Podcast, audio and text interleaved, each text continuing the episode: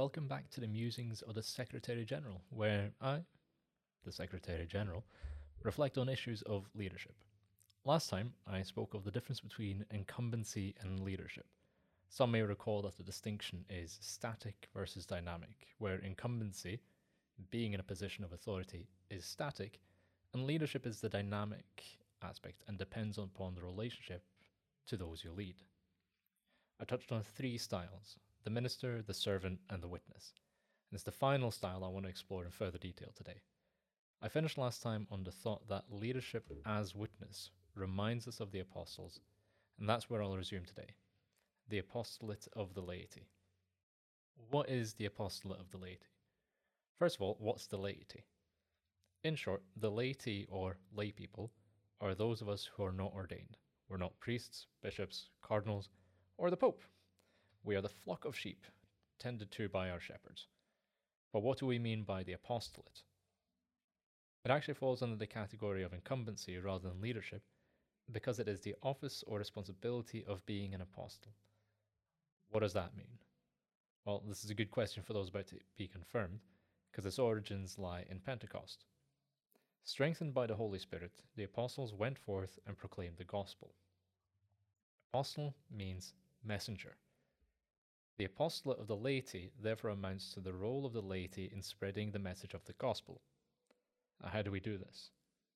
By being witnesses. It's also clever, you'd think the church had thought this through for a couple of thousand years. But does being a witness mean that we should stand on the street corners handing out pamphlets? The short answer is no. Remember, the other two leadership styles, the minister and the servant, emphasized certain personality traits or abilities. That's not the case in leadership through witness. Let's turn to a Vatican II document, Apostolicam Actuositatem, for some advice on what qualities the witness needs in order to be a good leader. It states The Holy Spirit gives the faithful special gifts, and from the acceptance of these charisms, including those which are more elementary, there arise for each believer the right and duty to use them in the church and in the world for the good of men and the building up of the church. In other words, in order to be a good Catholic leader, you don't need to pursue a checklist of skills and qualities, but cultivate the skills and qualities you were given. We find an echo of this in what Innerco expects from its leaders at CAP. Being a leader is about credibility as a leader and a Catholic role model, with your flaws and weaknesses. You should have an honest awareness of your faith and to your role as a Catholic leader, where there is an awareness of your abilities and shortcomings. I note that we should perhaps offer a revision and it should emphasize with your strengths and weaknesses. The apostolate of the laity, the call to be a witness, is a call to leadership. It's vocational. As mentioned previously, leadership is also relational. It is dependent upon the relationship between the leader and the ones being led. And the one being led is not passive, far from it. Anyone who's been a leader at camp, whether as a teacher or a parent, knows this. For those who follow another podcast by two young Catholics, St. Augustine's Bekännelser by Pedro Foss and Martin Yen, I told the story of how, as a child, I was dragged kicking and screaming along to activities at camp not figuratively, literally picked up and dragged along. My oldest brother, who was a leader at that camp, did the picking up and dragging along, can testify to the fact that I was anything but passive, clambering onto anything I could get my claws into. But he used his God given qualities to get me to go along. And I'll never forget his words I'm bigger, uglier, stronger and more stubborn than you. In the end, that did prove to be correct. Uh, I gave up, he won, and I went along to the activities. But how does one go from that level of reluctance to being Secretary General? It's perhaps cliche, but it does come down to having had great role models and leaders. I saw young people willing to give their time and energy to sharing a faith they had received and matured in.